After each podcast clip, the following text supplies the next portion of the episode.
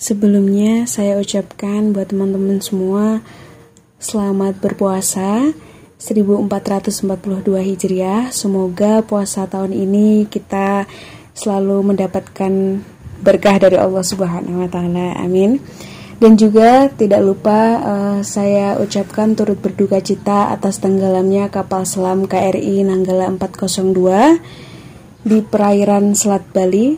Semoga para pahlawan kita diterima di sisi Allah Subhanahu wa taala dan keluarga yang ditinggalkan diberi ketabahan. Amin. Halo semuanya, selamat datang di Sapa Podcast.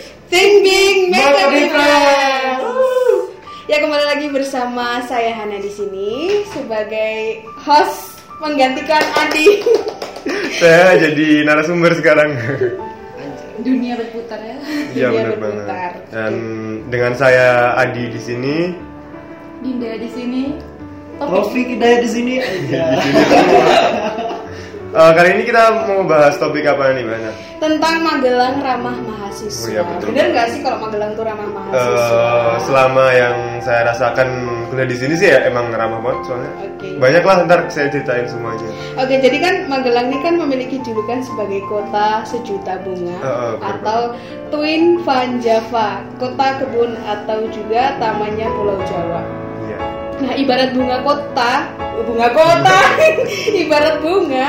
Kota Magelang itu sebagai kota jasa yang memiliki daya tarik serta memberikan manfaat secara ekonomis sebagai masyarakat yang dikemas sebagai masyarakat. Eh kok terulang-ulang grogi kayaknya. Ada siapa sih? Nah tadi ya sebagai masyarakat yang dikemas dalam tampilan yang indah. Gak apa sih, kita apa adanya sekali ya. apa adanya sekali ya Allah. Jadi lawak semua ya nah kan tadi udah dijelasin ya kayak apa namanya Magelang tuh sebagai kota yang ekonomis gitu ya. Hmm. terus kalau ini kan kalau topik dari Medan ya Pik? Ya eh dari Medan. Dari dari Medan. Uh, Adi dari Kalteng Kalteng kalau Dinda di rumah ya benar bun jokes lo bapak sekali dulunya Kalimantan mana Barat Kalimantan Barat. Nah, nih dari masing-masing kalian nih kok bisa tahu Magelang dari mana? Uh, siapa dulu nih? Siapa dulu? Terserah lah. Ya Om Bipa. Uh, ya udah, udah saya dulu. Kalau saya sih emang dulu pas lulus SMK emang udah niat mau ke Jawa gitu loh kayak mencari pengalaman itulah, yeah. pengen nyoba hidup sendiri. Ternyata emang ada saudara kan di daerah Magelang sini, akhirnya ke Magelang pengen kuliah di sini. Soalnya Magelang tuh kayak hawanya adem, udah biaya hidupnya murah, pokoknya segalanya terjangkau juga gitu ramah banget orang-orangnya gitu pokoknya nggak nggak saya temuin di tempat lain itulah kalau dari topik kalau dari aku tahu apa nih Magelang ya yeah. hmm. aku tahu dari Magelang tuh uh, pertama pas supaya tahun 2016 saya tuh ke Magelang tempat saudara.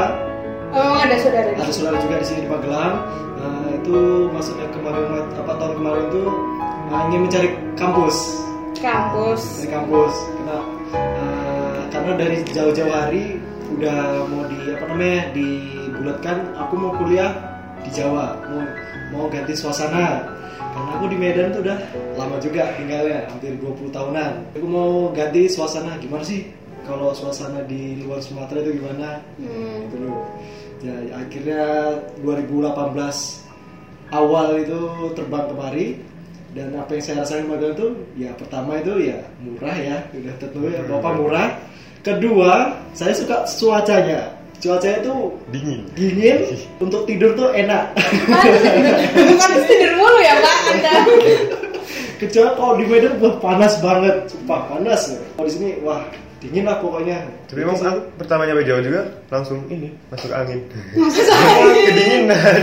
Sama saya juga gitu pas adaptasi. Sampai di Magelang, wah ini udara kok dingin banget ini saya nggak apa namanya sampai pilek sampai gatel-gatel sampai makin hari makin kemari ada biasa gitu. tapi di Medan tetap ada tempat yang paling dinginnya juga dong ada tapi jauh dari rumah gitu oh. karena Medan kan kota metropolitan udah yeah. udah kota padat lah ibaratnya gitu ya bang nah, ya, ini, ini. begitu kita pindah selanjutnya kepada Mbak Dinda udah tahu mulu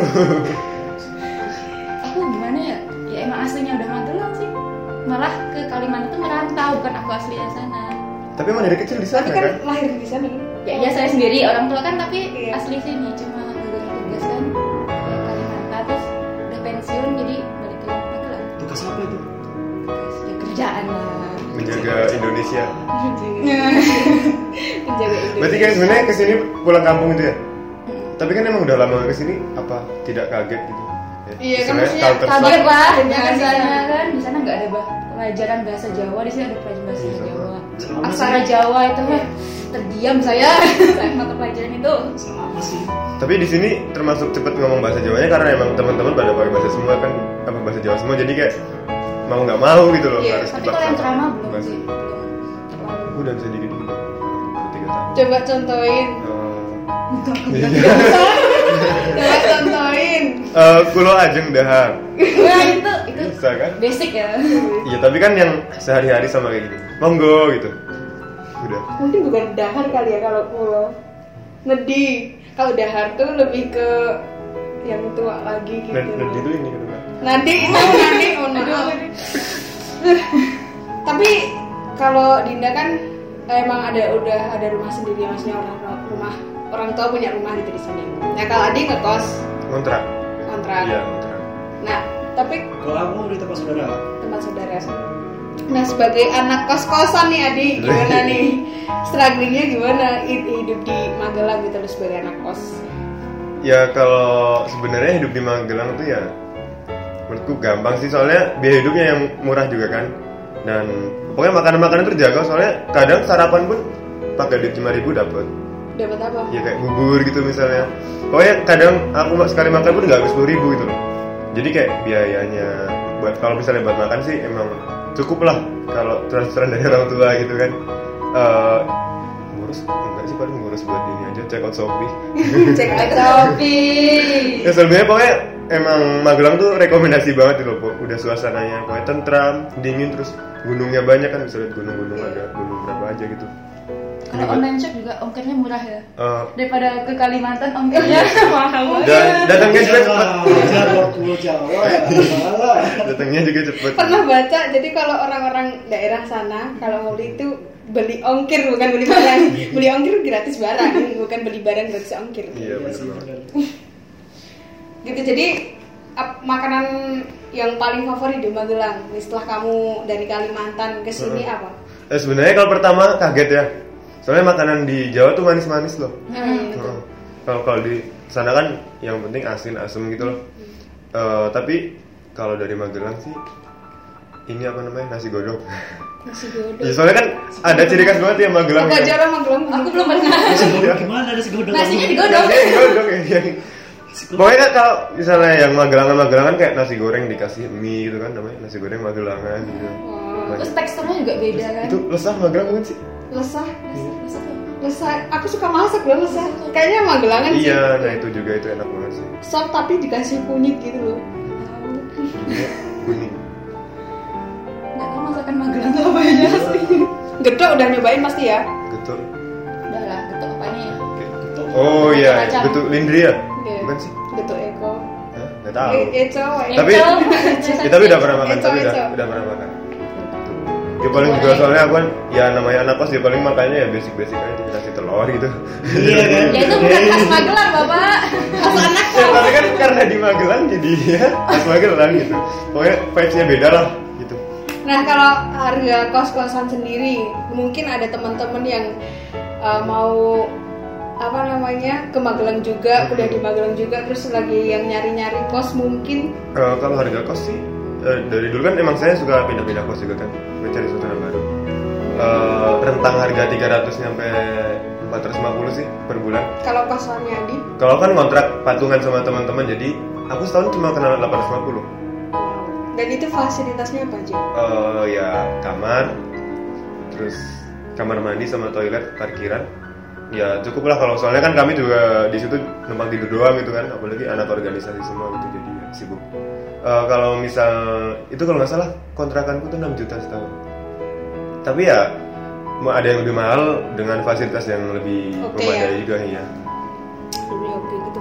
Nah itu posisinya deket kampus banget atau enggak? Eh, jauh sih. Jauh. Soalnya kami emang cari yang apa, murahnya kan, Iya. ya nggak jauh-jauh banget paling ya satu kilo lebih lah satu kilo lebih dikit Eh, tapi yo apa misalnya PP kampus pun nggak habis bensin banyak gitu kan sambil jalan-jalan lah kalau misalnya mau berangkat gitu Cuman kalau info kos yang deket banget sama kampus gitu rentan harga sekitar 600-an ya mungkin.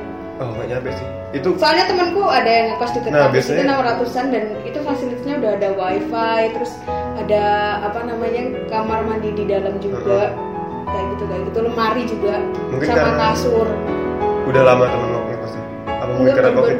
Se eh, awal mulai kuliah saya dulu setahu gue tuh 500 sudah mahal banget sih. Berarti sekarang 2018an itu udah menurutku 600 dengan fasilitas itu deket kampus lagi itu udah ya murah it. banget sih. Nah, benar banget. Gitu tapi kalau ketambahan view pemandangan itu kena biaya 50.000 ribu. View doang loh view doang. Tapi emang di Magelang ini gak kehabisan pemandangan sih. Tempat wisatanya banyak, pokoknya apalagi kalau misalnya lagi sibuk nugas gitu kan, apalagi yang buat skripsian juga, pasti ya kayak nggak bingung gitu cari referensi tempat wisata gitu kan. Ya mungkin orang luar ya tahunya cuma Borobudur kan. Sebenarnya di Magelang banyak kok, nggak habis buat dikunjungin dalam waktu berhari-hari gitu. loh. nih kalau topik nih ini kan kalau topik di saudara ya Hmm, ya.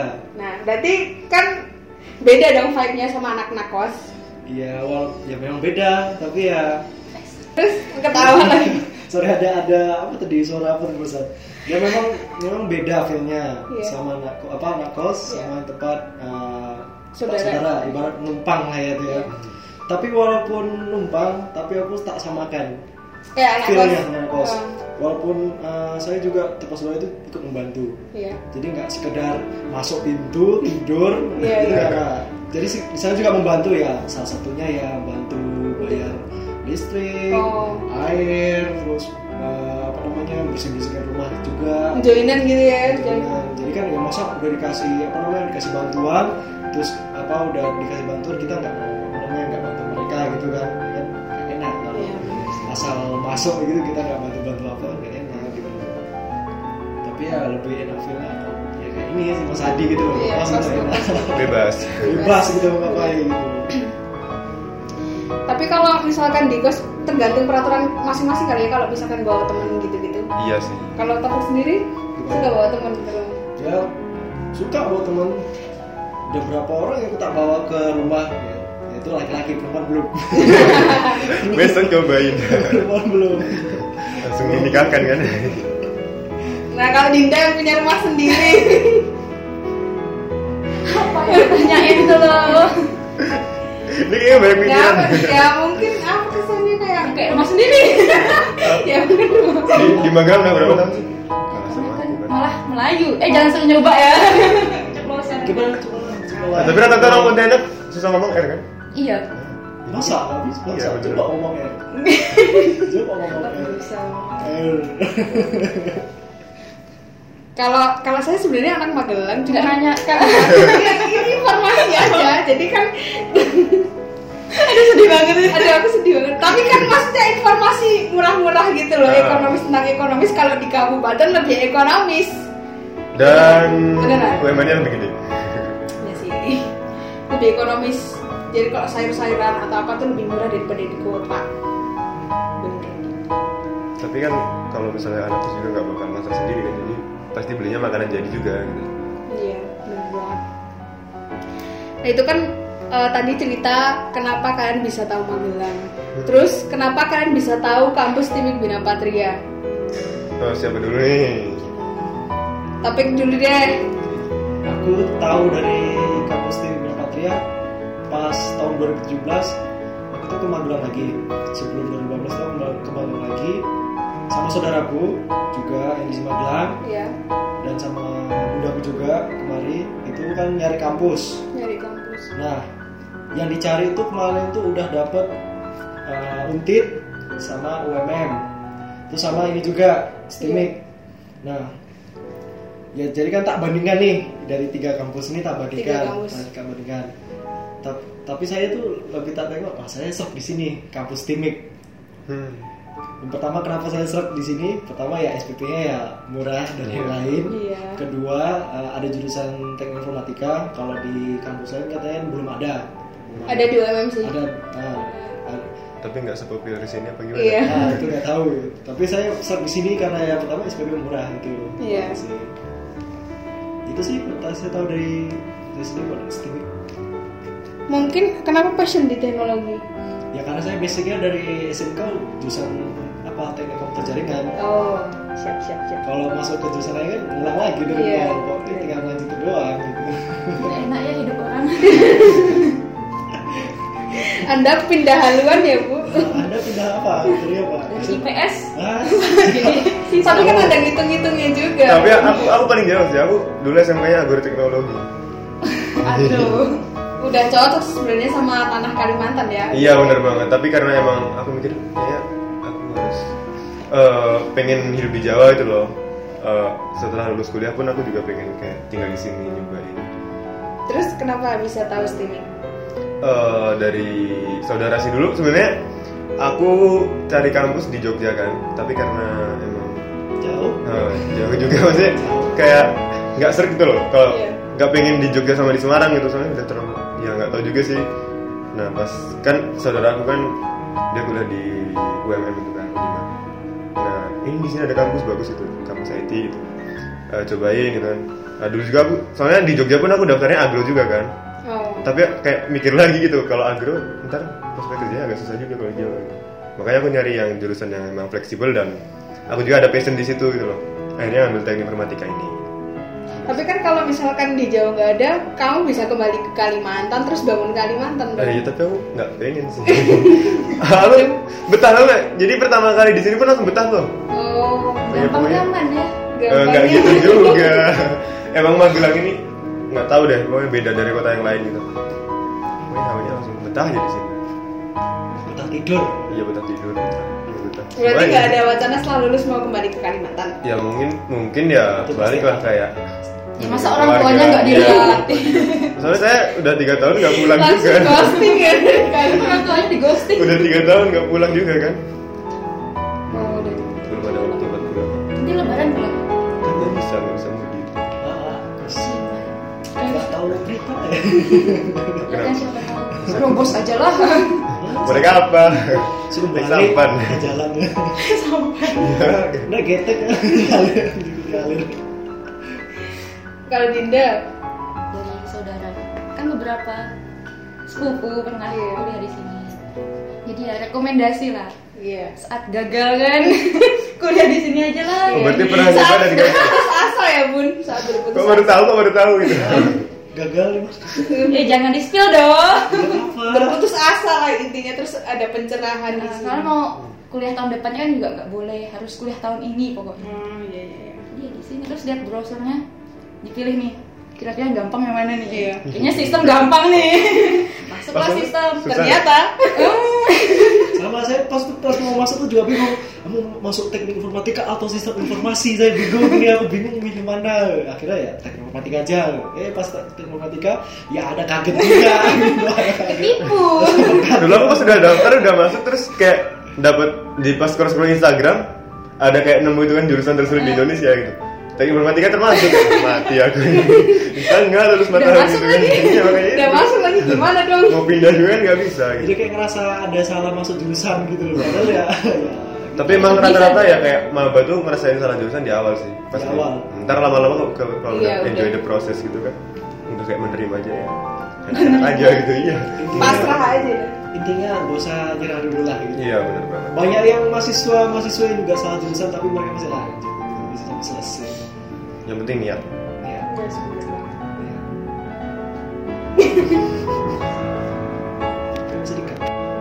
Oh ini ngomong-ngomong tempat wisata nih di Magelang yang udah pernah kalian kunjungi itu mana aja?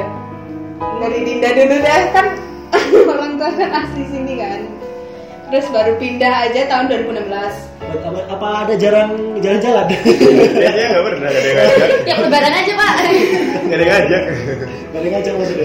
ajakin dong Gas. Terima kasih. malah ke Semarang sih Ya gitu ya kan Magelang nah itu bingung tengahnya diajaknya ke Semarang bukan di Magelang Berarti nggak ada ya maksudnya? Nggak ada. Kenapa kok gak ada? Nggak tertarik bun. Ah, itu gimana? Ketarik sih tapi gak ada temennya kasihan mas bisa bisa. Bisa Oke siap. Ditagih aja topik. Adi kalau Adi? Ah, kalau aku sih yang pasti Aduh berkelana. Iya, kayaknya Anda dulu pertama pertama ke Jawa tuh ke Candi Borobudur. Iya. ya pasti kan semua orang pasti pengen ke situ. Nah setelahnya itu ya kayak oh, tempat wisata hidden hidden loh yang nggak banyak diketahui orang kayak misalnya Silanjur Highland terus aku pernah tapi sekarang udah terkenal. Eh, iya Cur. gunung eh, gunung Andong terus banyak ya pokoknya? Kafe-kafe kafe. Taman bukan tempat Kiai wisata Langgeng ya. tapi lebih ke kafe. Aku belum belum pernah ke Taman Kiai Langgeng malah aku lebih suka kayak yang alam-alam gitu. Ya kayak mungkin terus? Bayangin naik kayak roller coaster itu juga ada itu alamnya di kan? Bandung kan ada apa? Striker namanya? Selekar. Slacker apa slacker? Selekar Selekar Slacker, slacker. Apa sih bacanya? Selekar Slacker. Slacker. Selekar Nah, aku juga pernah situ. mohon maaf. Pernah ke situ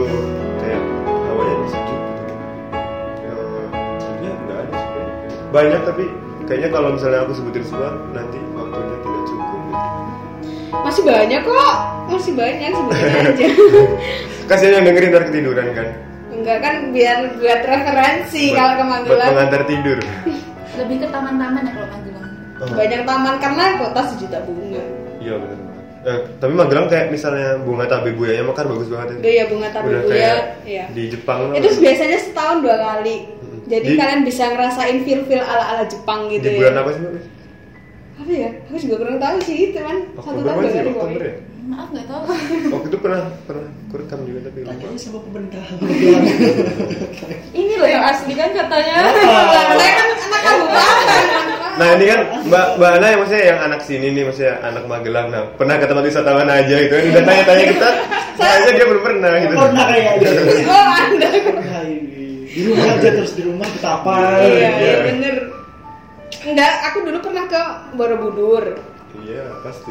Pas baru Borobudur, terus ke Taman Kiai Langgeng, terus ke Slekar pernah, terus ke oh bacanya gitu aku main kemarin salah ucap Slacker. terus ke Deli, Delimas, Delimas mungkin. Jadi mas yang di Binusari kan? Iya, itu daerah dia yang bisa ya Iya bener kan dekat rumah saya pak, jadi ya ke situ. Besok Itu besok. aja sih kalau wisata-wisata di Magelang Sebenarnya masih banyak lagi ya. masih banyak lagi. Kemudian kalau misalkan ada acara kampus ya sekalian survei sekalian itu berwisata. Iya gitu. Kayak gitu kayak di bumi perkenahan perkenahan Mangli kayak gitu. itu bisa Itu wisata kan? Itu bisa. oh tadi saya nggak nyebutin ya ya kan ada sering ke sana. Baru ke situ sekali ya. dua kali lah ada acara ya. Jadi seenggaknya ikut organisasi pun ya numpang berwisata juga kalau misalkan ada eh, apa namanya eh, tempat-tempat baru yang harus kita survei gitu. Iya. Ada di kalian itu mana ya? Mana tuh waktu itu? kalau Ayo, mana? Si Jengglung, Jengglung. si Jengglung itu. Itu sih kalau aku tempat wisata yang udah aku kunjungi. Kalau tapi si Dena enggak kan sih dengan iya museum ya Allah. Iya iya tuh museum di Ponegoro itu iya. Aku kalau ke museum sih yang pas dulu kita mana? Jenderal Sudirman yang dikasih tas. Oh iya bedah buku waktu itu ada sedang Mbak Korwil itu ya ke museum-museum pernah juga. Udah kalau topik kalau aku Anda juga petualang kan Pak? Kopeng. Kopi mulu. Komen terus saya. Kalau aku tempat wisata di Magelang pertama kali yang gua aku samperin itu yang paling dekat Gunung Tidar. iya. Aku malah. Ketemu tinggal maju aja itu primata primata kecil Nah, ketemu teman-teman di sana sih. Saudara. ya pertama itu juga karena ya di situ kan menyimpan kisah. Katanya itu Gunung Tidar itu kan sentralnya Magelang. Sentralnya dulu Magelang ya ada apa namanya cita-cita dulu lah gitu sabun palon gitu sebelum saya ke sini kan suka apa namanya juga cerita-cerita kisah tanah Jawa gitu Iya. nah katanya di daerah gunung situ katanya sentralnya ya udah saya ke sana eh ternyata bener banyak kisah-kisah sana. Ada juga kayak apa ya tempat pemakaman. Ya Kayak sepanjang itu. ya kayak sepanjang dan orang-orang yang terpercaya dulu lah Hmm. gitu. Nah, Cuk, saya ka- kagetnya tuh kiai sepanjang. Wah mikir ini orang bentuknya seberapa panjang gitu berapa panjang banget gitu iya, iya. namanya juga kayak si panjang mungkin ya berapa panjang gitu Iya, iya. kalau dibayangi berapa coba panjangnya itu? Sempat kaget juga pertama kali itu dan yang kedua habis gunung apa namanya gunung tidak ke Borobudur. Ya Borobudur. Ke Borobudur.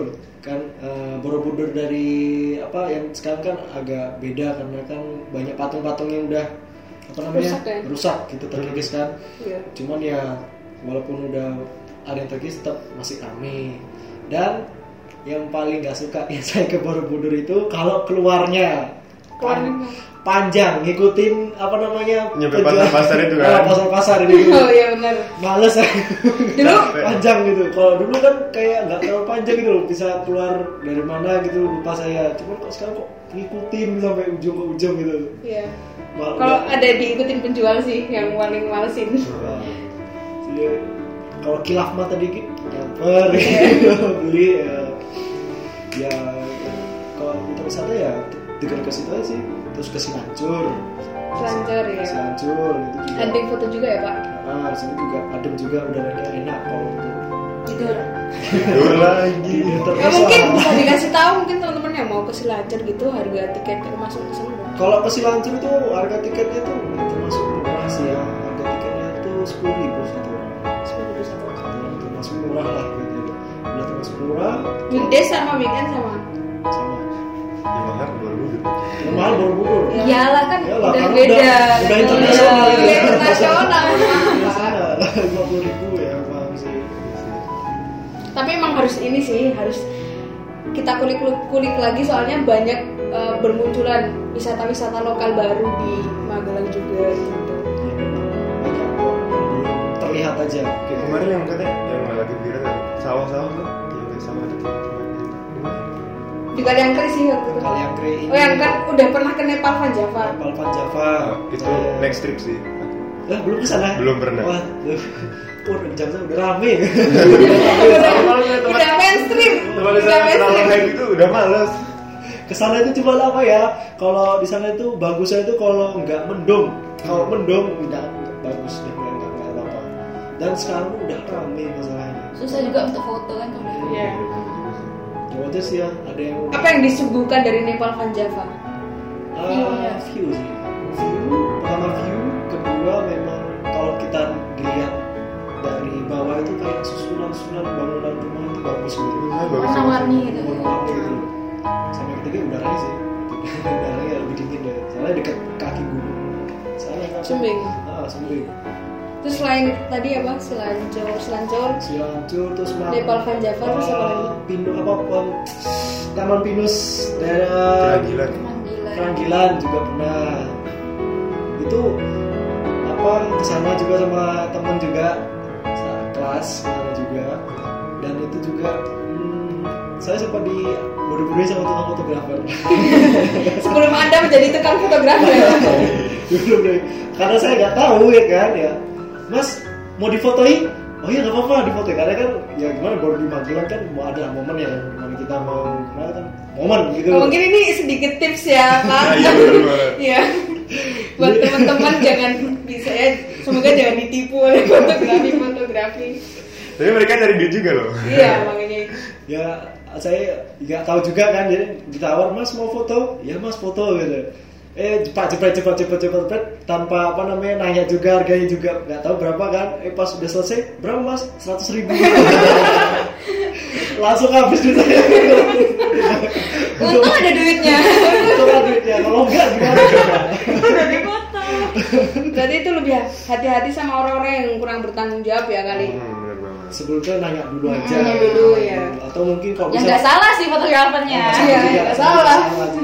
Dan apa kalau bisa foto ya foto sendiri aja gitu Bawa kamera sendiri. Ini Mas fotoin. Ini mas ya. Tapi nggak apa-apa. ya udah segitu dulu mungkin ya obrolan kita tentang Magelang ya Magelang ramah mahasiswa tapi emang ramah kesimpulannya hari ini nih eh, ketika saya ngobrol-ngobrol sama kalian yang notabene emang bukan asli dari Magelang gitu Iya. Eh, yang pertama emang Magelang itu murah murah sekali dengan eh, biaya hidupnya ya. Mulai dari kos-kosannya makan makanannya bahkan ini Pak Topik, Anda langganan depan kampus 13.000 itu udah dapat sama minum ya Pak. Iya itu Ada juga ya. geprek 10.000 itu udah dapat sama air minum juga. Dan itu murah murah banget. Dan itu endolita banget sih.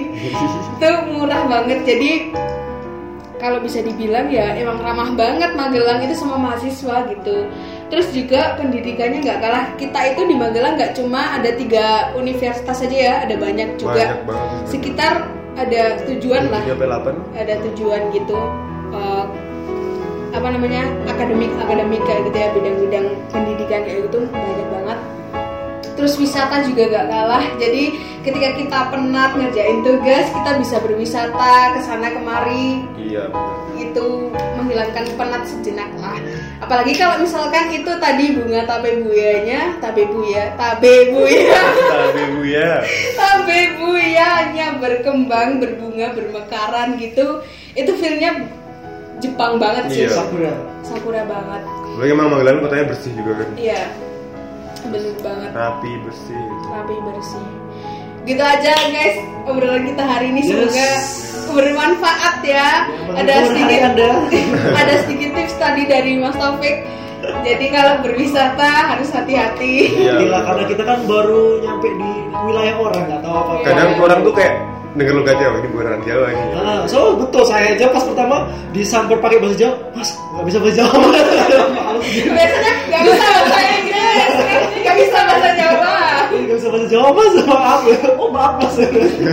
Ada apa juga? itu kan tips berwisata tadi kalau tips nyari kos-kosan nih dari Mas Adi Oh sebenarnya kalau aku di grup Facebook banyak ya Iya. di grup Facebook terus ya usahain kalau misalnya ini buat maba sih kalau emang mau cari kos kosan tanya tanya dulu lah sama kakak-kakak tingkatnya yang pada ngekos gitu. Biar kan pasti dibantuin juga. Soalnya dulu aku pertama juga dibantuin sama temen kan. Oh iya. Kayak ayah anak sini gitu ya kayak gitu sih. Dulu Hmm, iya Ya, tanya-tanya dulu lah gitu. Jangan asal gitu. Ya, sama yang pendatang baru lah. Kalau misalnya baru nginjak di wilayah yang baru kalau bisa itu kita jangan malu-malu untuk bertanya. Iya benar banget.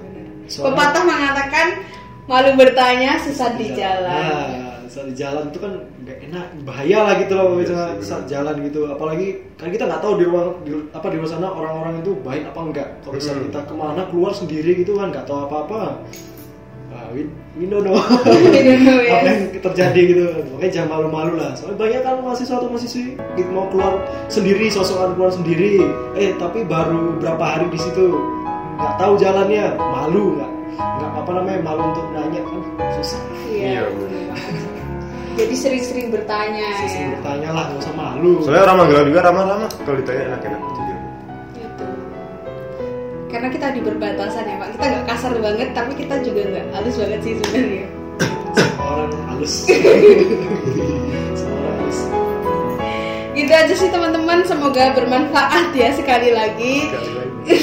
Eh, jangan lupa terus dengerin podcast dari eh, Senat Mahasiswa Stimik Punya Patria sama podcast tiap Sabtu malam Sabtu malam malam Malam, minggu malam, iya, malam malam minggu. Minggu. Saturday night ya Saturday night.